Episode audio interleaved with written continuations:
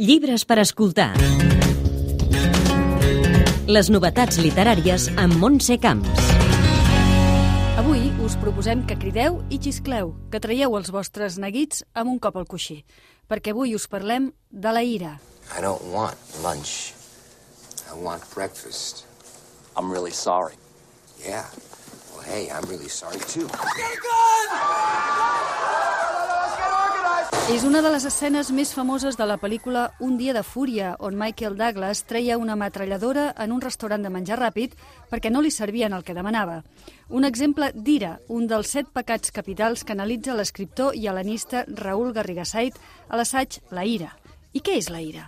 Els filòsofs antics deien que la ira és la passió més vehement, la passió més forta, és una passió que ens puja als ulls, eh, que es manifesta en els nostres gestos, en la cara de ràbia, en els cops fins i tot que podem donar a les coses o a les persones. Per tant, és una passió molt corporal, molt irracional, podríem dir, però alhora és una passió que passa per la ment, que passa pel raonament, perquè la ira sempre sorgeix d'un judici o d'una reflexió sobre la injustícia, eh, sobre una ferida que ens fan a l'amor propi. La ira, diu Garrigasait, és la manera més forta i segura de dir no.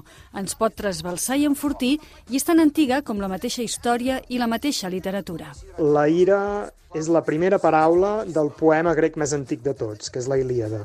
La Ilíada és un gran poema sobre la ira d'Aquiles, la ira d'un heroi que se sent ultratjat, que se sent deshonrat i que, per tant, en un atac d'ira, abandona els seus companys i decideix no participar més a la guerra.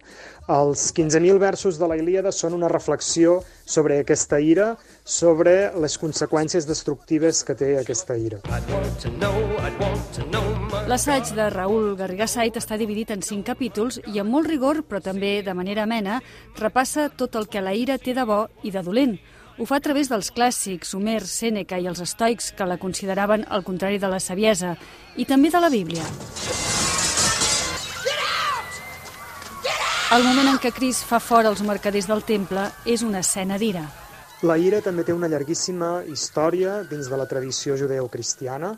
Eh, De fet, la Bíblia, especialment l'Antic Testament, és plena de passatges en què Déu s'aira amb, amb els homes, en què Déu els envia desgràcies, els envia exèrcits invasors que els exterminen, que els destrueixen, que destrueixen les seves ciutats. Um, la ira de Déu és una expressió de la injustícia del món, del caos del món. I aquest model d'ira és un model important perquè justament vincula ira i justícia. I am glad our son kicked the shit out of your son, and I wiped my with your human rights. Però també parla de la ira contemporània, la ira lligada al poder. La ira, per exemple, de Donald Trump. La ira sovint va vinculada al poder perquè eh, les persones que ocupen una posició de poder sovint tenen més dret a irar-se en públic. Eh, pot ser un instrument del poder, una escenificació del poder. En aquest sentit, els, els tuits eh, airats de Donald Trump, aquells tuits plens de majúscules en què amenaça, per exemple, un, un altre país de destruir-lo, són tuits que escenifiquen la ira. Són escenificacions de la ira i, per tant, escenificacions d'un poder imprevisible, d'un poder perillós. Amb la ira, l'editorial Fragmenta acaba la publicació de set assajos sobre els pecats capitals. L'escriptor té l'última paraula.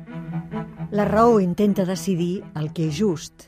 La còlera intenta que sigui just tot el que ella ha decidit. Sèneca. Llibres per escoltar. Les novetats literàries amb Montse Camps.